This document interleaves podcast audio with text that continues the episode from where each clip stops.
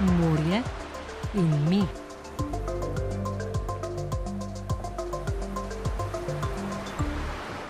Kakšen vpliv ima to na naše zdravje? To ni dokazano, da nima vpliva. Ne? Vse pravijo, ja, se ni dokazal, da je vpliv. Jaz pa pravim, ni dokazal, da ni vpliva. Tukaj me malo skrbijo. No? Posledice te uporabe prisotnosti plastike v našem telesu na naše zdravje. Samostojna raziskovalka morskih odpadkov in ekologinja Andreja Palatinus je letos organizirala že 13. akcijo Čista obala. Prostovoljci so septembra v dežju, buri in mrazu čistili odseke med debelim rtičem in fieso. Skupini v Simonovem zalivu se je pridružila dr. Mateja Grego z morske biološke postaje NIP, sicer tudi vodja odmevne akcije skupnostne znanosti Pirati plastike. Sicer smo se komaj podpisali, dobro, da je organizator pripravil navadne svinčnike, ker so bili vsi papiri mokri, ampak smo rekli, gremo, poberemo, kolikor poberemo in smo počistili Simonov zaliv do igri, acho que kažkaip grįžti. Kaj vse ste našli na poti? Cigaretnih ogorkov je bilo seveda največ, torej tudi teh modernih filtrov, ki pašejo z električnim kadilcem, samo teh je bilo dosti manj, eh, nekaj malega plastenk, nekaj pločevink za pijačo, Eh, nismo najdli nobene maske, presenetljivo, in nekaj ostankov še od plavanja, kopalk in otroških blovčkov, no, rokavčkov, te stvari. Ja, cigaretni ogorki. V Simonovem zalivu so jih uri in pol na vsake metro obale pobrali 11. Z vseh odsekov, kjer so čistili, so jih odstranili 3300. To je 84 odstotkov vseh letos najdenih odpadkov. Z ogorki je bil nastlan tudi Koperski obmorski park. Čeprav so si kadil tujci tam lahko brezplačno sposodili posebne pepelnike za plažo. In tako je iz leta v leto. Cigaretne ogorke še kar mečemo po tleh. Je mogoče, da večina še vedno ne ve, da gre za plastičen in strupen odpadek je, pravi Andreja Palatinus. Sredozemlje je pač eno območje, kjer je kajenje zelo popularno, se veste, francozi, grč, to se posod kadi in tudi pri nas. In to se kadi na obali. In pač ljudje to odložijo, pospravijo pod kamen ali pa odvržejo tudi v mestih obmorskih, to potem preko kanalizacije vse odide v morje. Mogoče ne vejo, da je to dejansko plastika, da to ne razpade kar tako. Tako da ne vem, kako jih še prepričati, da tega ne delajo delajo, ker je dejansko to zelo strupen odpadek, tudi vsebuje marsikakšne strupe in kemikalije in s tem onesnažijo precejšnje količine vode. Ne. O okoljskem stanju naše obale in morja veliko pove podatek, da so v akcijah čista obala na 100 metrskih odsekih pobrali od 46 do 300 kosov. V poprečju to nanese 160 odpadkov na 100 metrov, kar je še zelo daleč od evropske mejne vrednosti, ki je 20 kosov na 100 metrov. In odpadkov odpadkov, predvsem plastičnih, je na naši obali vse več. Na terenu se jasno vidi, ko ti na prvi pogled obalo pogledaš, se ti zdi čista. Ampak mi ne gremo takrat domov, ampak začnemo takrat šele čistiti, ker dejansko mi pobiramo koščke plastike, ki so manjše od 2 cm. To opažamo že nekaj časa, količine kilogramov ne rastejo tako strmo kot količina uh, kosov, torej število. In iz tega sklepamo, da so odpadki če dalje manjši in če dalje lažje. In kar sem še ugotovili, je, da je če dalje več teh plastičnih koščkov za enkratno uporabo, oziroma odpadkov za enkratno uporabo, ki so tudi precej lahki. Tako da um, delež teh odpadkov se povečuje, ki so za enkratno uporabo, zaradi tega je tudi Evropska komisija sprejela ukrep. Prepovedi uporabe teh odpadkov, tako da upam, da bomo v roku petih let videli trend upadanja.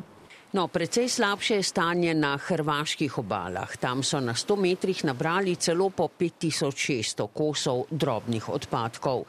Plastični odpadki s časoma razpadijo v mikroplastiko. Ta je že v naši prehranski verigi. Po nekaterih ocenah jo v življenju zaužijemo 18 kg. Vse to se nalaga v naših organih in seveda organih morskih živali.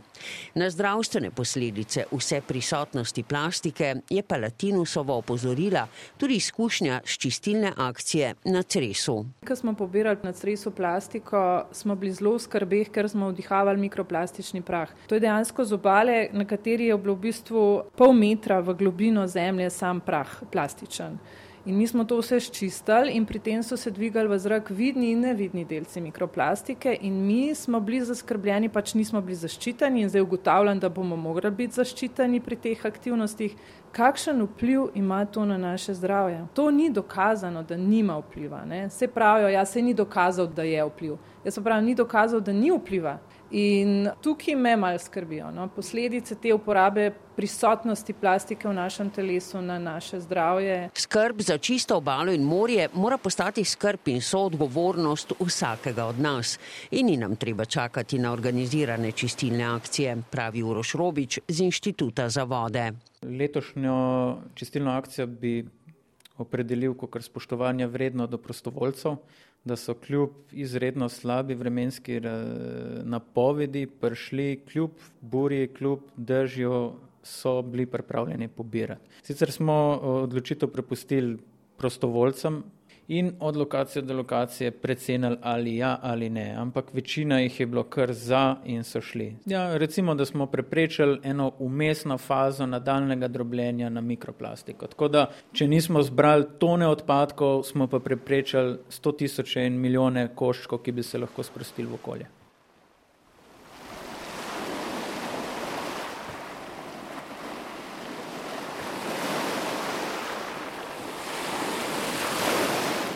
Inštitut za vode je poleg zavoda Triniti in drugih ustanov stalni soorganizator akcije Čista obala. Letos je v njej sodelovalo društvo Pina kot ena od šestih slovenskih informacijskih točk Europe Direct. Letošnja Čista obala se je nadaljevala v Pininem laboratoriju Heka, kjer se umetnost stika z znanostjo. Mikroplastiko pod mikroskopom si je ogledal tudi Lanej iz Marezik. Kaj pa se tukaj vidi? Majhne delčke plastike. Aha. Je zanimivo? Mm, nisem pričakoval dosti. Vedel sem, da bomo tu bili nekaj časa, pa da si bomo gledali nekaj stvari in da bomo slišali tudi nekaj stvari, kako lahko izboljšamo to, kako uporabljamo plastiko. V Heki so pred dvema letoma začeli preverjati možnosti unovične uporabe odpadnih lupin škampov. Idejo o priboru za ničkratno uporabo so nedavno predstavili na poletni šoli Ars elektronike v Lincu, največjem svetovnem festivalu intermedijske umetnosti. Vodja Pine je Borut Jerman. Izvedli smo delavnico uporabe hitosana, pridobljenega iz lupiniš kampov. Koncept je bil pridobivanje pribora za ničkratno uporabo. Reflektiramo dejstvo, da premik iz plastike na les ni ravno trajnosten, recimo za izdelavo pribora za enkratno uporabo in predvsem dejansko reciklažo. Kaj ti danes mi gojimo škampe pa lovimo v morju, pojemo lupine, ne vrnemo nazaj v okolje, čeprav je fantastičen material, ampak eh, zažgemo ali pustimo, da gnije. V bistvu prava reciklaža, prava cikličnost bi bila, da bi mi iz tega materijala naredili nekaj, kar je bilo uporabno za nas in vsaj ne bi obremenilo naravo z uh, škodljivimi materijali. Material je 100% organski in izredno dovzeten za eksperimentiranje. In na tem pač delamo naprej. Te eh, žlice, vilčke in noži, to seveda se ne uporablja, ampak kaj lahko s tem naredimo? V bistvu to je namenjeno temu, da pognojimo rastline, ki nam ne na zadnje dajo hrano.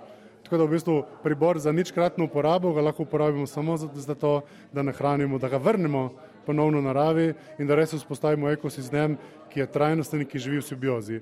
Ker ni ekosistema v naravi, ki temelji na konstantni rasti ko zmanjka virov, sistem implodira in človeštvo je na tej poti. Čistejši je tudi del morskega dna naravnega rezervata v Strunjanu. Potapljači in potapljačice so prvo oktobrsko soboto očistili ribiško pristanišče ter del od Mandrača do prvega pomola na Strunjanski plaži. Eden od 20 potapljačev in potapljačic iz Koperskega društva Ocean Diving je bil Vanja Mlinar. V vodi smo našli precej plastike, ostanke plastičnih mrež raznih eh, odpadkov, ki jih ljudje odvržejo tekom sezone, kot so pločevinke, razne vrečke in podobno. Našli smo pa v eh, samem ribiškem pristanišču tudi precej gum, ki so ponovadi služile temu, da čovni oziroma barke ne udarijo ob pomole in eh, so ostale potopljene pač na morskem dnu znotraj samega bandrača. Potapljači sicer tudi izven organiziranih akcij odnašajo odpadke iz morja. Vendar ne vseh. Kar se tiče čiščenja morskega dna, to počnemo že tekom vse sezone, tako da kar sproti najdemo, tudi odnesemo iz vode, se pravi tisto, kar tam ne sodi, tisto pa, kar je postalo del podvodnega habitata, tisto normalno pod vodo ostane. Čistilne akcije imamo ponavadi po sezoni, tako da tisto, kar se je tekom sezone v vodi nabralo, odnesemo, ker tam pač to ne sodi. Gume skoraj da niso bile obraščene, čeprav so bile dlje časa v morju, izpostavlja direktor Krajinskega parka Strunjan Marko Starman. Se ne nabirajo rastline oziroma živali na tem, kar bi recimo za kakšne druge trde snovi se ponavadi zgodi.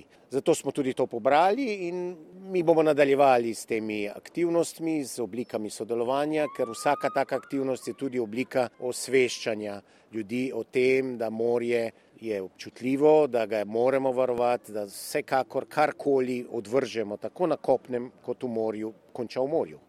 Časov, ko so ljudje mislili, da je morje neskončno in da se ne more nikakor poškodovati oziroma mu škoditi, so že zdavnaj mimo, ampak marsikdo še tega ne ve. Prav opozarjanje na stanje okolja je bistvo organiziranih čistilnih akcij.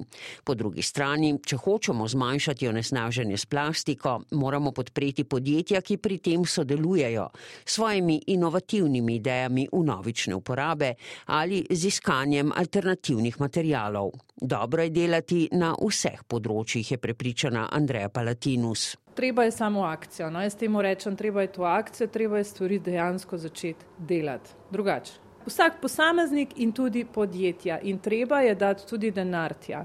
Um, tako da jaz mislim, da je potrebna strani sistema velika podpora, torej finančna podpora takim idejam, um, mogoče tudi lažji dostop do teh financ, dejansko danes je kar zakompliciran sistem.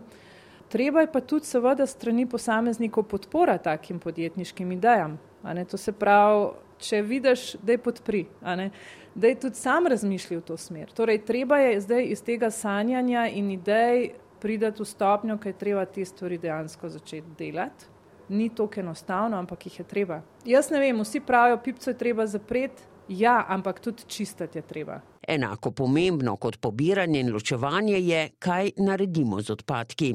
Pod okriljem Ljubljanskega univerzitetnega inkubatorja je sama razvila poslovno idejo, ki bo podjetnikom olajšala iskanje morskih odpadkov za ustvarjanje novih izdelkov. Pol leta nazaj, aprila, sem odprla SP z namenom, da na jadranskem območju, kjer take pobude še ni, stopim v kontakt z vsemi nevladniki oziroma s čim več nevladniki, podjetji, komunalnimi in tako naprej, ki te smeti itak že zbirajo. Vemo, da Hrvaška obala se cela ščisti pred sezono in po sezoni in vse te huronske količine, govorim vam res o tonah, a ne, torej na mletu recimo so na eni plaži oziroma na parih plažah 15 ton sprala aprila letos in vse te količine romajo na odlagališča in vemo, da ta odlagališča so v bližini morja pod vplivom vetra in tako naprej, to se vse v končni fazi lahko znajde spet v morju. Tako da moja ideja je, da te smeti zberemo, jih presortiramo, očistimo in pripravimo za ponovno uporabo. Torej, potrebno je najti odjemalce tega materijala, ki bi potem te odpadke pretopili v novo plastiko in iz katerega bi naredili nove proizvode, ki bi bili potem v uporabi še veliko let. To je ideja, za katero zdaj sledim in um, upam, da mi jo bo uspelo zrealizirati. Ko se je pred 15 leti začela ukvarjati z morskimi odpadki in ekologijo ter organizirala, kot smo že povedali, tudi prvo akcijo Čista obala, s svojimi zamislimi ni naletela na prav veliko podporo.